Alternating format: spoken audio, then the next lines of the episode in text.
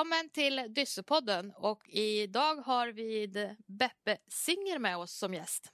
Ja, och Beppe är ju författare, programledare för Järnkontoret, är det nog många som känner igen Beppe från.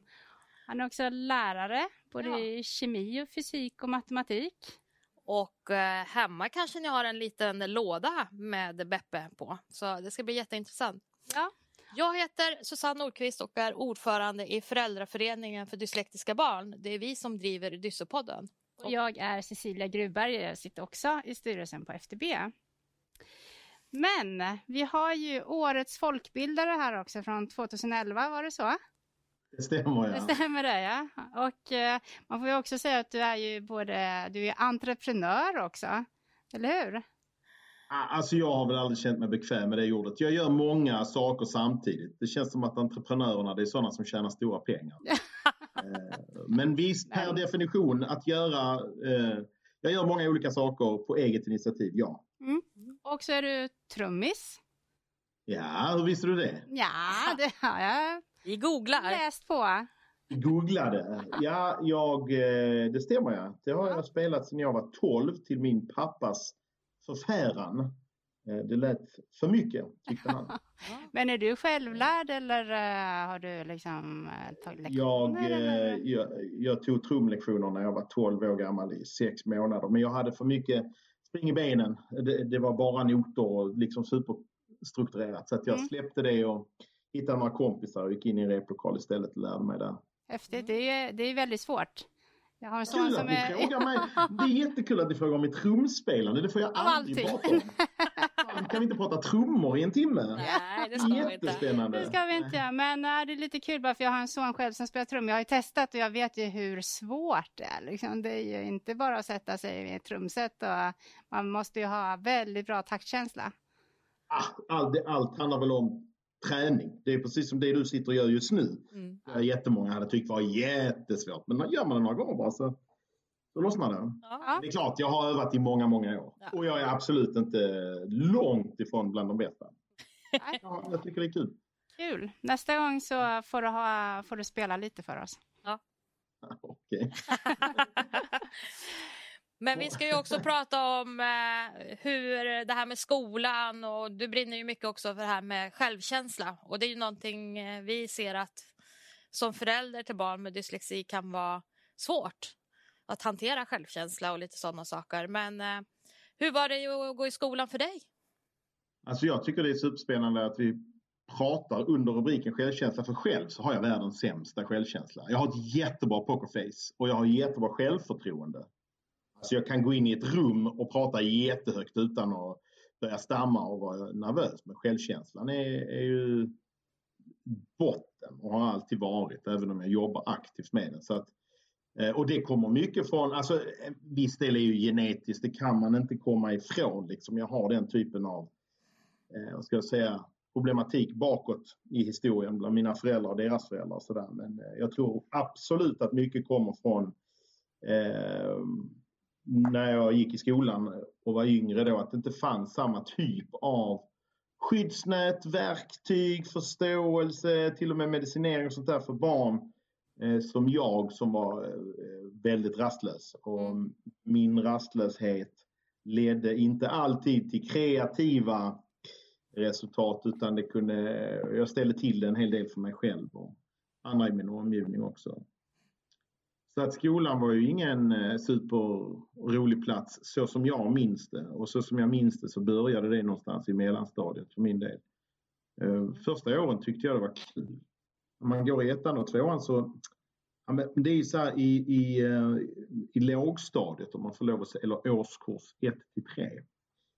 Så har det varit och är fortfarande så att pedagogerna ganska stor utsträckning tillåter barnen att vara nyfikna. Alltså det är nyfikenheten som driver pedagogiken. Och så ska det vara hela vägen upp men eh, så är det ju tyvärr inte. Där någonstans när de börjar i årskurs 4 då ska man ju börja skriva prov och då ska det jämföras i klassen. Hur mycket fick du? Hur mycket fick du? Och då går det från en lustfyllt, ett lustfyllt nyfiket lärande till någon slags tävling. Okay. Mm. Så upplever jag det i alla fall. Och ju längre upp i åldrarna du kommer desto mer börjar det börja handla om betyg, det är nationella prov och till slut ska du ska börja söka in till utbildningar och sådär. det, det där roliga som vi hade när vi var riktigt små, det, det, det har försvunnit. Mm. Eh, och det är också en jättetuff utmaning för eh, skolor generellt att, eh, vad ska jag säga, inte malla barnen. Så du har en pedagog och 25-30 elever. Du har ett läromedel för det mesta. Man har en bok. Mm. Öppna sidan 17. Och på sidan 17 så har du en viss uppgift.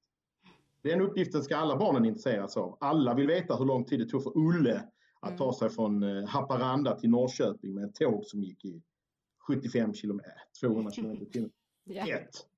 Två, så ska du också få veta hur du ska lösa problemet. Och det gör ju att alla eleverna stöps in i mallar så som det har varit i väldigt många år. Eh, det finns såklart folk som förespråkar det här, att vi måste få rätt verktyg för att kunna vara kreativa. Eh, för det är först när vi vet hur vi ska använda oss av våra verktyg som vi kan bli kreativa. Men problemet är att på vägen så tappar man ju liksom 95 procent av eleverna när det bara mm. handlar om korvstoppning. Mm. Det är ju spännande. Och för, att svara på, för att svara på din fråga, hur det var med min egen skolgång. För det finns, ja, jag känner ju det finns hur mycket som helst att prata med. Men jag trivdes inte i skolan. Någon gång i mellanstadiet så insåg jag, det var då mina bekymmer eskalerade också. Mm.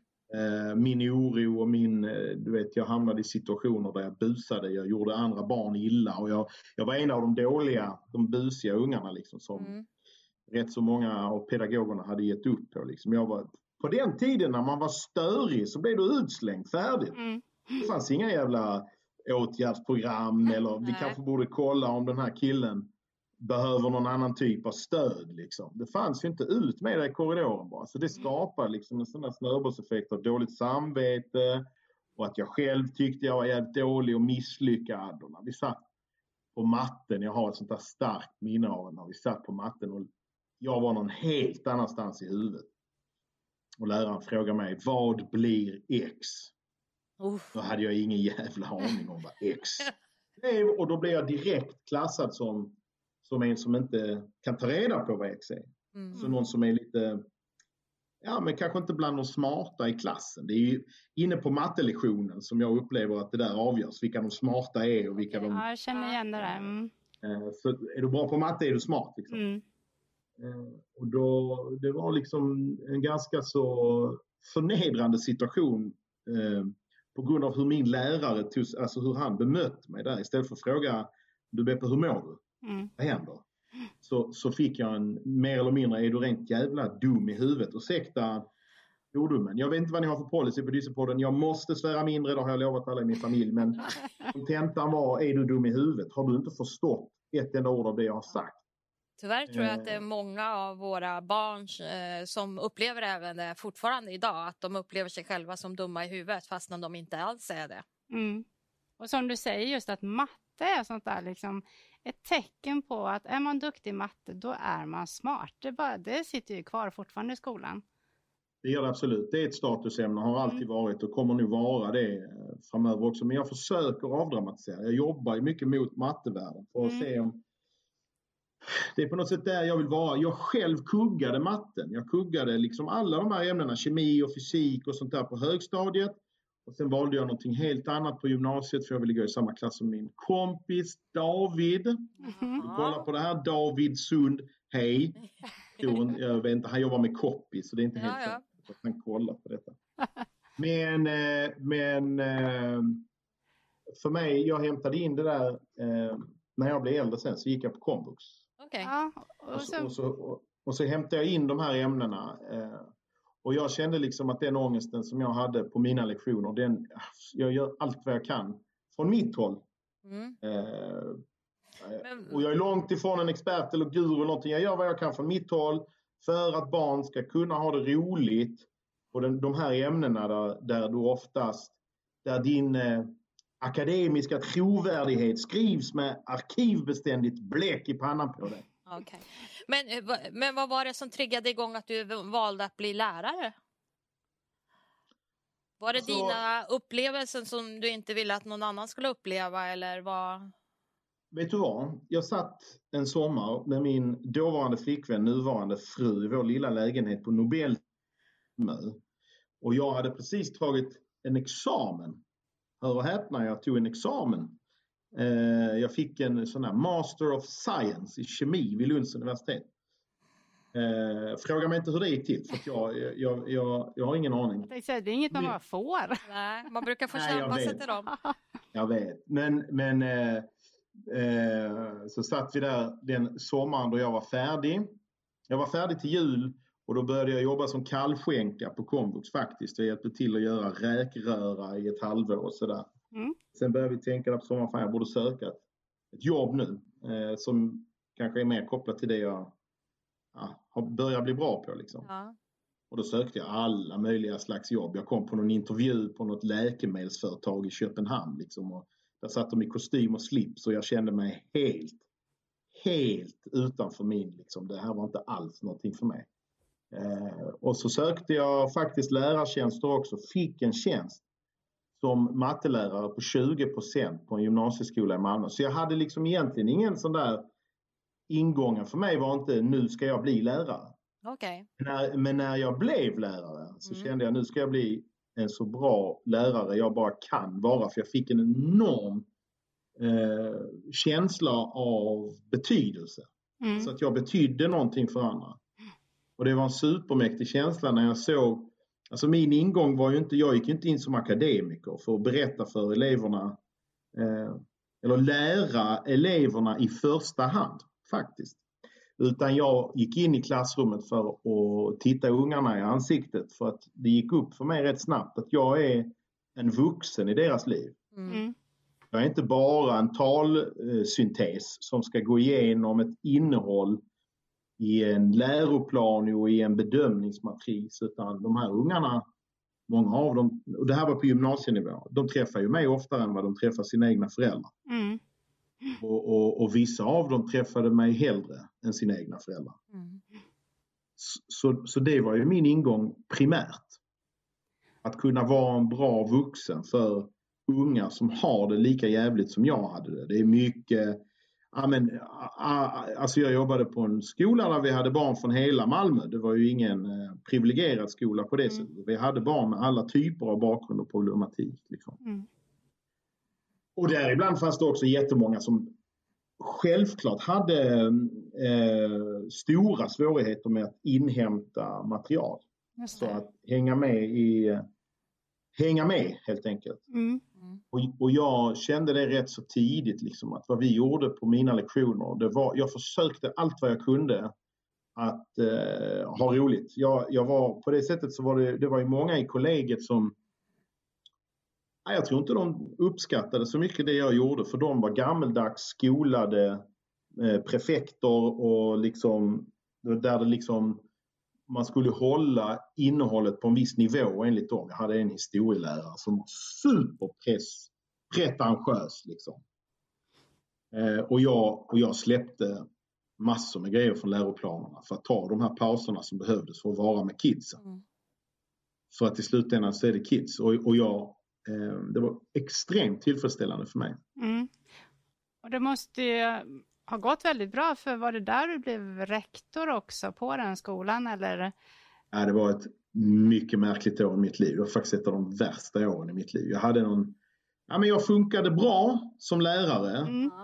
Jag kunde hjälpa eh, barn som hade det extra svårt. Det var ju liksom de jag var bra på, men eh, gav även de här eleverna så väldigt enkelt för sig. Jag gav dem möjligheten att också utvecklas. För ibland så har jag märkt på mig själv liksom, att jag hela tiden fokuserar på de som har det jobbigt. Eh, vi får inte glömma bort att det är de som älskar att vara där också. Mm.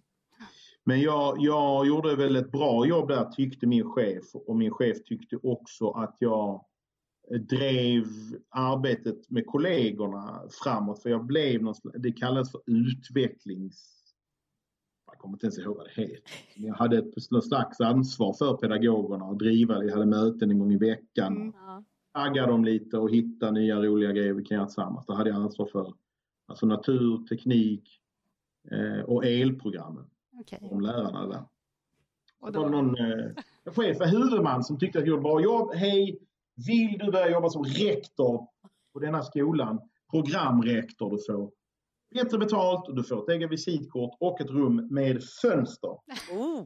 Då, då, då kände jag direkt att eh, ja, men här har jag en möjlighet att påverka på ett större plan, mm. fler elever. Mm. Eh, Blev det så då? Och, så jag tackade ja och två veckor in så insåg jag att det här var en administrativ tjänst. Du mm. sitter fast vid datorn hela tiden. Det är fackliga medarbetarsamtal. Det är eh, massa skit som jag, alltså det är schemaläggning och budget och sånt där. Det där, det där, det där är inte min grej alls. Det värsta var för mig att eh, för mig, jag, på något sätt så vill jag Alltså den, jag har en av de sämsta egenskaperna för att vara chef, det är att man vill att alla ska tycka om en. Mm. Det går inte. Det går inte, nej. Nej, det går inte. Så att jag, jag fick, du vet, två veckor in så, så sa jag till min fru att det här, alltså jag klarar inte det. Jag får sån ångest av det. Mm. Mm. Sa hon precis som alla andra, ge det ett år så ska du se att du har kommit in i det. För det på, något, på pappret ser det ju bra ut att jobba ja. som rektor. Och på dagen efter ett år så sa jag upp mig. Det är lite synd det där att uh, många bra lärare, att man liksom lockas in och blir rektor fast man kanske egentligen gör mycket, mycket bättre jobb som lärare, att man skulle vara kvar i sin lärarroll. Ja, det är ju direkt riktat mot mig också. Vissa bra lärare blir plockade och får jobba på tv istället. Ja, för hur gick det till? Eh, en kompis till mig eh, smygfilmade mig på en kemilektion. Mm. Jag höll någon demonstration där.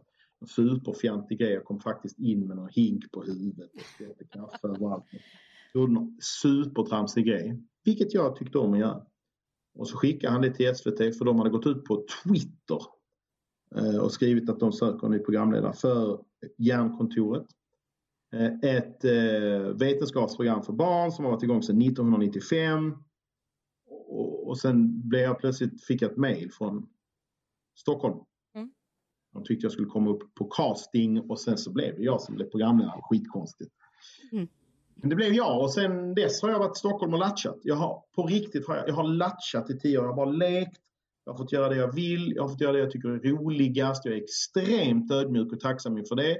Jag är fullständigt beredd på att alla vi som jobbar i medier, i, i mediebranschen, vi har alla ett bäst före-datum. Eh, men jag lovar att försöka ha så himla kul som möjligt tills den dagen jag eh, gladeligen går tillbaka och jobbar som lärare. Mm. Jag tänkte på det, för de här böckerna, du är även författare. Eh, alla experimenten där, du, har du testat allting själv? måste jag göra. Det har du gjort det, ja. lärde jag mig eh, jävligt snabbt när jag gjorde, du nämner Hjärnkontoret, men jag har gjort väldigt många andra program. Mm. Eh, på UR gjorde vi över 70 program där vi gjorde experiment i bild och där var jag ganska kaxig och sa att Nej, men det här och det här ska vi göra. Det borde funka. Ja. När du har ett kamerateam på tre pers i studio med ljud och ljus och allting och det inte funkar. Då är det inte så poppis. Det kostar jävligt mycket pengar. Så att, mm. eh, eh, jag har lärt mig av erfarenhet att testa varenda grej innan jag tipsar om det. Mm. Har du något favoritexperiment?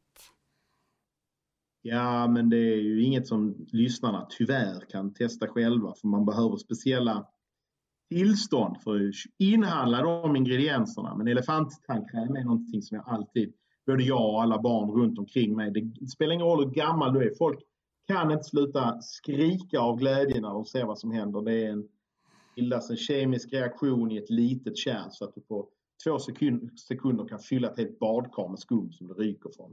Oh. Det ser ganska kul ut. Det får, ni, det, får ni, det får ni youtuba. Det ska jag göra, absolut. Ja. Jag vet inte hur det funkar om ni kan, vad det här är för format liksom, men om ni får feeling kan ni skriva in så här Youtube ja. eh, elefanttandkräm och så bara slänga upp det på skärmen där så de som tittar på det här kan få se det samtidigt ja, det ska vi pratar göra. Det, ska vi göra. det är så pass high tech. Ja, häftigt. Men eh, du har ju, eh, det är många som har, som har dyslexi och ADHD och många har ju både och. Och superkrafter pratar man ju också. Men, men om man ska titta utifrån ett lärarperspektiv. Hur tycker du att du har fångat de här barnen som har haft det lite svårare för, för skolan? Får jag säga, kan du hålla den, kan, ja, jag kan kan hålla den frågan. den frågan Ja. en sekund? För att jag måste säga att jag, utifrån mitt eget perspektiv, som vuxen med diagnos, pappa till ett barn med diagnos, i väl, och har väldigt många kontakter med andra föräldrar och barn som har diagnos. En sak som vi alla har gemensamt är att vi hatar begreppet superkrafter. Mm. Ingen av oss har någonsin behövt söka sig till eh, psykiatrin för att vi känner oss som superhjältar. Nej. Alla vi, det vi har gemensamt allihopa det är att vi har mått jävligt dåligt. Vi har inte fungerat. Och blivit tvingade att söka oss till psykiatrin. Så det är någonting som jag, jag förstår varför ni säger det. Jag förstår varför man eh, överhuvudtaget har börjat använda sig av den här termen. Eh, framförallt så är den här termen riktad till barn. Mm. Eh, jag förstår varför man gör det, men jag blir så provocerad för att för mig är en superkraft någonting som du kan slå på när det behövs. Mm. Tänk om du hade varit Stålmannen med laserblixten ur eh, ögonen, men den är på hela tiden. Du kan inte ens sätta dig på ett toalettbås och skita för dörren bränns ner. Mm. Ursäkta jag franskan. Mm. Så Så det vill jag bara, jag vill gärna flika in och säga detta. eh, För jag hoppas och tror att de som lyssnar och tittar på det här kan, alltså vissa av er kanske tycker det är lite skönt att höra det här också. Det är fan inte alla vi som känner oss som superhjältar och det är okej. Ja, precis. Ja, men så är Vi det ju. klarar det. Vi kommer ro i land det här. Vi, kommer, vi lever i ett land som har väldigt många styrkor och svagheter. Det är långt ifrån ett eh, vattentätt system där alla som är i behov av stöd och särskilda insatser får det. Men vi har relativt sett hyfsade förutsättningar att få hjälp när det Mm. behövs. Och jag, någonstans så är jag, även om jag är helt slut och hopplös som förälder själv i vår personliga situation där vi sliter och jobbar med det, det är svårt att tro att det en dag kommer att bli bra. En dag kommer att bli bättre. Mm. Men det är skönt att du säger det, för att jag tror att det är många barn som ändå känner som, som du säger, att man inte har någon superkraft. Och, och just att det blir bra i alla fall. Du behöver Ja. inte ha den här superkraften. Du behöver inte känna det som Stålmannen eller någonting. Det, det löser sig i alla fall. Det är väl jätteskönt. Vi, vi hoppas på det. Varenda människa har sin egen historia, sitt eget krig Mm. och fightas liksom. Och det är klart att folk hamnar på kåken också med den här typen av problem. Och det gör ju folk utan också. Så att Nej, vet, liksom- men alltså, så att det, det finns ju absolut inga garantier. Men det är ingen anledning att inte hoppas Nej. eller inte försöka. Så att, eh, tillbaks till din fråga Susanne. Jo, men det är just det här att eh, för dig som jag som förälder eh, som har barn med dyslexi så är det ju att man vill, man vill ju så himla väl men också eh, jag känner också det här med superkrafter men också att skolan kanske inte är allt i livet. Men ändå, det är ju någonting vi ska gå igenom. Vi har skolplikt i, i, eh, i landet och eh, vi ska gå våra nio år och sen ska vi gå lite gymnasium för att komma vidare. Men om man tittar på lärarna och även då som förälder, för tyvärr så kanske det många gånger är lite lärare hemma också. Men vad är det som du ser att man ska tänka på för att eh, underlätta det för barn med dyslexi, ADHD eller andra? Ja, alltså. um... ja, ni, ni som representerar Dyssepodden och alla experter och, och liksom erfarna personer som lyssnar på det här har ju säkerligen tusen verktyg och metoder och modeller. Som man kan, sånt där kan ju inte jag överhuvudtaget. Det vill jag inte. Jag vill absolut inte utge mig för att vara någon som har någon form av lösning överhuvudtaget. Det finns ingen som helst vetenskaplig förankring i någonting jag säger här nu. Utan det är helt och hållet baserat på egna känslor, tankar och erfarenheter. Mm. Det vill jag vara tydlig med.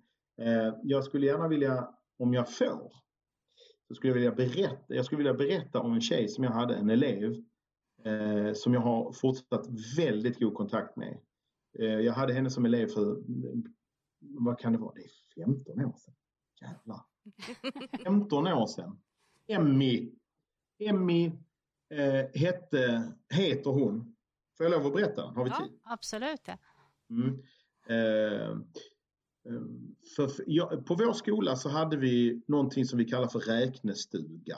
Det finns inte på alla skolor men fan vad det är bra. Några lärare som sitter i ett klassrum och de som vill ha hjälp, stöd och så vidare kan komma in där och få hjälp under någon timme. Liksom.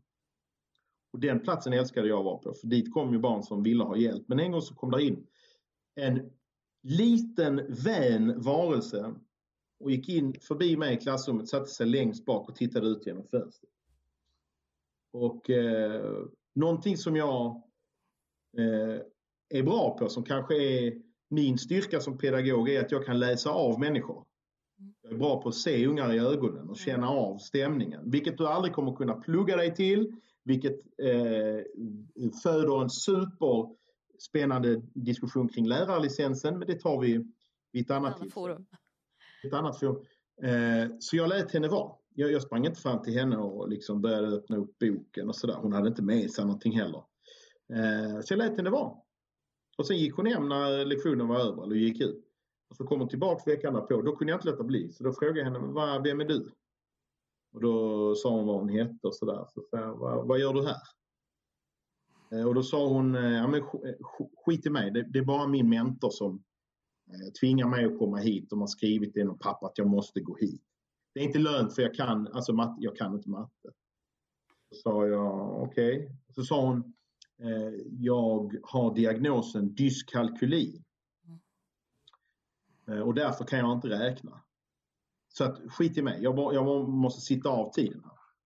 Det där, alltså, och då kände jag, fine, då låter jag dig göra det. Eh, det jag däremot la tid på det var att sitta ner mellan varven och lära känna henne lite, prata. Mm. Och, och, berätta om mig själv och sådär också. Ingen mattebok öppen överhuvudtaget på flera veckor. Och sen så satt vi vid något tillfälle och hade ett sånt där jättebra snack. Vi fick ju ett förtroende för varandra. För det är också viktigt för mig att när jag skapar en relation med en elev så är jag mig själv. Jag är ärlig, jag blottar min strupe. Mm. Det, är ett, eh, det är för mig det enda sättet att verkligen komma åt deras förtroende. Jag kan inte stå och dra en massa floskler. Utan jag är mig själv. Då säger hon till mig vid något tillfälle, men fan, Beppe, kan vi inte prova att räkna någonting? Hon säger det till mig. Aha. Jag bara, sure! Klart vi kan! Jag blir skitglad. Det var ganska otippat. Mm. Jag plockar fram någon bok där och så börjar vi pilla lite med någon uppgift. Och så kommer hon fram till något svar. Och sen så tittade vi längst bak i boken. I facit, den här fruktansvärt ångestladdade sista sidan i boken. Facit. Och då var det ju helt fel. Det var inte i närheten av rätt svar. Tog matteboken, hon kastade den i väggen. Så sa hon, jag sa till dig, jag har dyskalkyli, jag kan inte räkna. Hon började gråta och sprang ut ur klassrummet. Hon kom tillbaka veckan därpå. Och på något sätt så lyckades jag lirka och fixa lite så att hon, jag fick henne att våga försöka göra en uppgift till. Mm. Den gick inte den heller. Men någonstans tredje, fjärde, femte uppgiften, då fick hon samma svar i sina anteckningar som längst bak i boken. Och det ögonblicket för henne och för mig eh, var liksom, det var ju magiskt. Mm. Hon blev så här tårögd och vad är det sant och liksom eh, Um, det, det, är ganska, om man tänker efter så är det, det är ganska sjukt om man tänker efter. För det handlar bara om att en siffra i ditt papper ska stämma överens med en siffra på ett annat papper. Mm. Att det skapar så extremt starka känslostormar. Och det blev ett sånt, eh, en vändpunkt för henne. hon fortsatte att komma men hon fortsatte att räkna med mig också. Hon mm. litade på mig nu. Mm. Visste att hon inte behövde skämmas inför mig. Hon fick ha all tid i världen. Plus att jag hade ett sätt att förklara saker och ting på så att jag, jag, jag använde inte en enda förklaring i boken på hur man skulle lösa saker. Så det är klart jag gav henne anpassade verktyg som alla med den här typen av läs, skriv och räknesvårigheter behöver. Mm. Eh, och sen klarade hon, fatta, hon klarade matte A och matte B fick hon godkänt på. På gymnasienivå. Ja, det är häftigt. Underbart. Ja, det är och det med detta sagt så menar inte jag att eh, det inte finns eh, skäl eller alltså de här diagnoserna är superviktiga. Jag menar inte att, jag, att hon blev botad så att säga. Att, ja, bara man har tagit sig tid. Men jag vill verkligen eh, säga detta därför att alla de som tittar och lyssnar på det här ska veta att i mitt fall så var det ett av de värsta fallen. Alltså hon var helt liksom hennes föräldrar, systemet sedan tidigare, allihopa har sagt det går inte. Nej. Men träffar man rätt sorts vuxen, mm. använder sig av rätt sorts metoder så går det att åstadkomma jättemycket. Mm. Och du stärkte ju hennes självkänsla för det är ju det det handlar så mycket om. Men jag, alltså jag tycker det kan vara värt att lägga ett par tillfällen på det istället för direkt vända upp boken. Mm. Mm. Lär känna varandra. Och jag fattar, vi har inte tid, vi har inte råd till det här, så jag är inte naiv heller. Jag fattar ju det, men, men, men ambitionen, det jag har eh, upptäckt, som många andra också såklart är, kan du bygga en relation och ett förtroende först, Mm. så kan du börja lära sen. Mm. Skit i att lära dag ett, Mm. det dag två och dag tre. Lär känna varandra. Börja lita på varandra. Mm. Men du pratade också om att du hade fortfarande kontakt eh, med den här tjejen. Ja. Och det går bra för henne? Eller? ja, jag är jätteglad. Det går jättebra för henne. Härligt. Mm, och hon skriver till mig, hennes mamma skriver till mig vartannat, var tredje år liksom och håller mig uppdaterad, skickar bilder och sådär. Jag eh, har fortfarande väldigt starka känslor Mm. när jag pratar om det här. Det blev ju någonting som betydde någonting på riktigt. Mm. Härligt. Ja, det var väldigt fint att höra också. Ja. Och det är ju de lärarna som man kommer ihåg som man liksom har fått den här relationen med. Det är inte de kanske som man lärde sig allra mest på lektionerna utan det är ju lärare som har vågat vara personliga med klassen eller med, i skolan på ett annat sätt. Men, men eh, vad heter det, vad jag skulle säga, och jag blir glad att du säger så, och det är de lärarna man minns därför att jag försöker alltid göra lärare uppmärksamma på det faktum att det som för en lärare är en veckoplanering, en årsplanering, en veckomatris eller whatever, bedömningsmatris är barndom för barnen. Vi är barnens barndom. Mm. Mm. Jag kan lova dig Susanne att om jag nämner namnet på om, om du hör ett namn som stämmer överens med lärare du hade så får du upp tusen bilder direkt. Ja. Och det är lätt att glömma bort i detta hav av dokumentationskrav och massa annat som ska presteras som lärare. Men först och främst så är ni barnens barndom. Glöm aldrig bort det. Ja, men det är helt sant och, och, och många gånger, vi kämpar, ju, vi kämpar ju med att stötta våra barn hemma och lite sådana saker men ibland måste man också tänka på att skolan är inte hela livet utan det är bara en del av livet. Så att man ska inte, för jag tror att många kanske sitter och pluggar hemma och så glömmer man bort att ha fritidsaktiviteter men det är otroligt viktigt. Så det är, det är så svårt, det är så inpräntat i vår kultur, i vår samhällsstruktur. Det kan finnas en poäng med det också, men det här med att skolan inte är allt, det är, det är svårt att ta in som barn. För skolan verkar ju vara allt för alla andra. Ja, Varför det ska är det inte det. vara det för mig? Jag vill ju bara vara normal. Mitt barn sa det till mig Ja. Om veckan. Mm. Ja, varför kan inte jag bara vara normal? Mm. Ja, nej men det är har många så. föräldrar identifierar sig med också. Att man Ja. har barn som, det skär i hjärtat. Men samtidigt så, det är svårt just i den här åldern, mitt barn är 10, men ju äldre man blir så kanske man börjar förstå att det inte är så eh, häftigt att vara normal. Det är häftigt Nej, att och vara annorlunda. sen, det här med, vi jobbar ju mycket med också för samhället att se annorlunda på vad som är kunskap också. Att det behöver inte vara liksom att man är just då som vi var inne på att matte, att man ska vara bäst i matte eller bäst på att läsa och skriva. Att det finns så mycket annan kunskap man kan vara duktig på. Och att det också ska lyftas av samhället för att vi Ja, men för våra medlemmar så är det ju så, barnen de, de får ju hela tiden höra att de, de eh, kan ju inte just för att de inte kan läsa och skriva. Det är ju Mm. det som är det de får höra.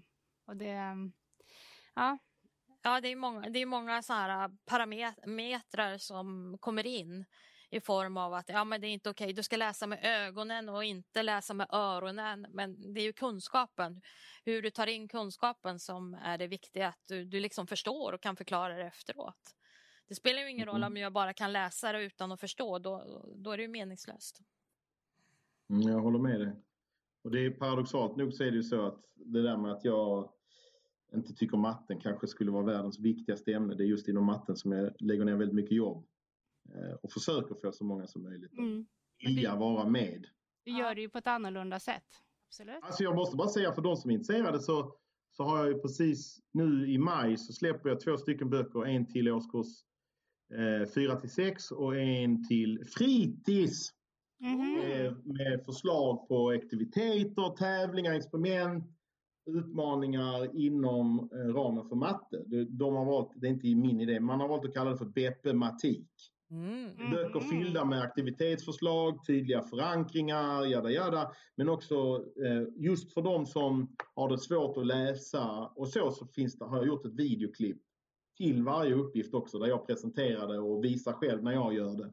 Vilket Aha. underlättar väldigt mycket för de som ibland har svårt att ta sig förbi transportsträckan när man ska läsa steg Ja, 1, just det. steg 2, steg 3 och så vidare. Det är inte så lätt för alla. Så, att, Det är ju superbra. mm, så vill man så ska man gå in och kolla efter Beppe Matik som släpps den eh, någonting maj. Det är lätt att komma ihåg också. Matematik. Absolut, ja, Mm. superbra. Men eh, jag tänkte på det, för du fick ju din diagnos som vuxen, visst var det så? Mm. Vad var det som gjorde att du ville ha diagnosen? Eller vad... Därför att jag funkade inte. Ja, det var Jag så. funkade inte. Jag har alltid varit dysfunktionell och haft mina problem med relationer, med eh, självmedicineringen. Tyvärr har det varit en jättestor mörk del av min uppväxt. Jag har inte fått rätt typ av hjälp så då har jag själv gått på Systembolaget och skaffat mig den hjälpen eller förfalskat recept på apoteket för att få... Jag har alltså har bedövat min ångest och oro och allt det där som Mm. händer i huvudet har jag bedövat med artificiella substanser. Okej. Och det blev extra tydligt när jag fick barn. Ja. För att det som har hänt innan det har varit liksom att ja, men då tar relationen slut och så skiter man i det så går jag vidare så är jag förbannad i ett halvår.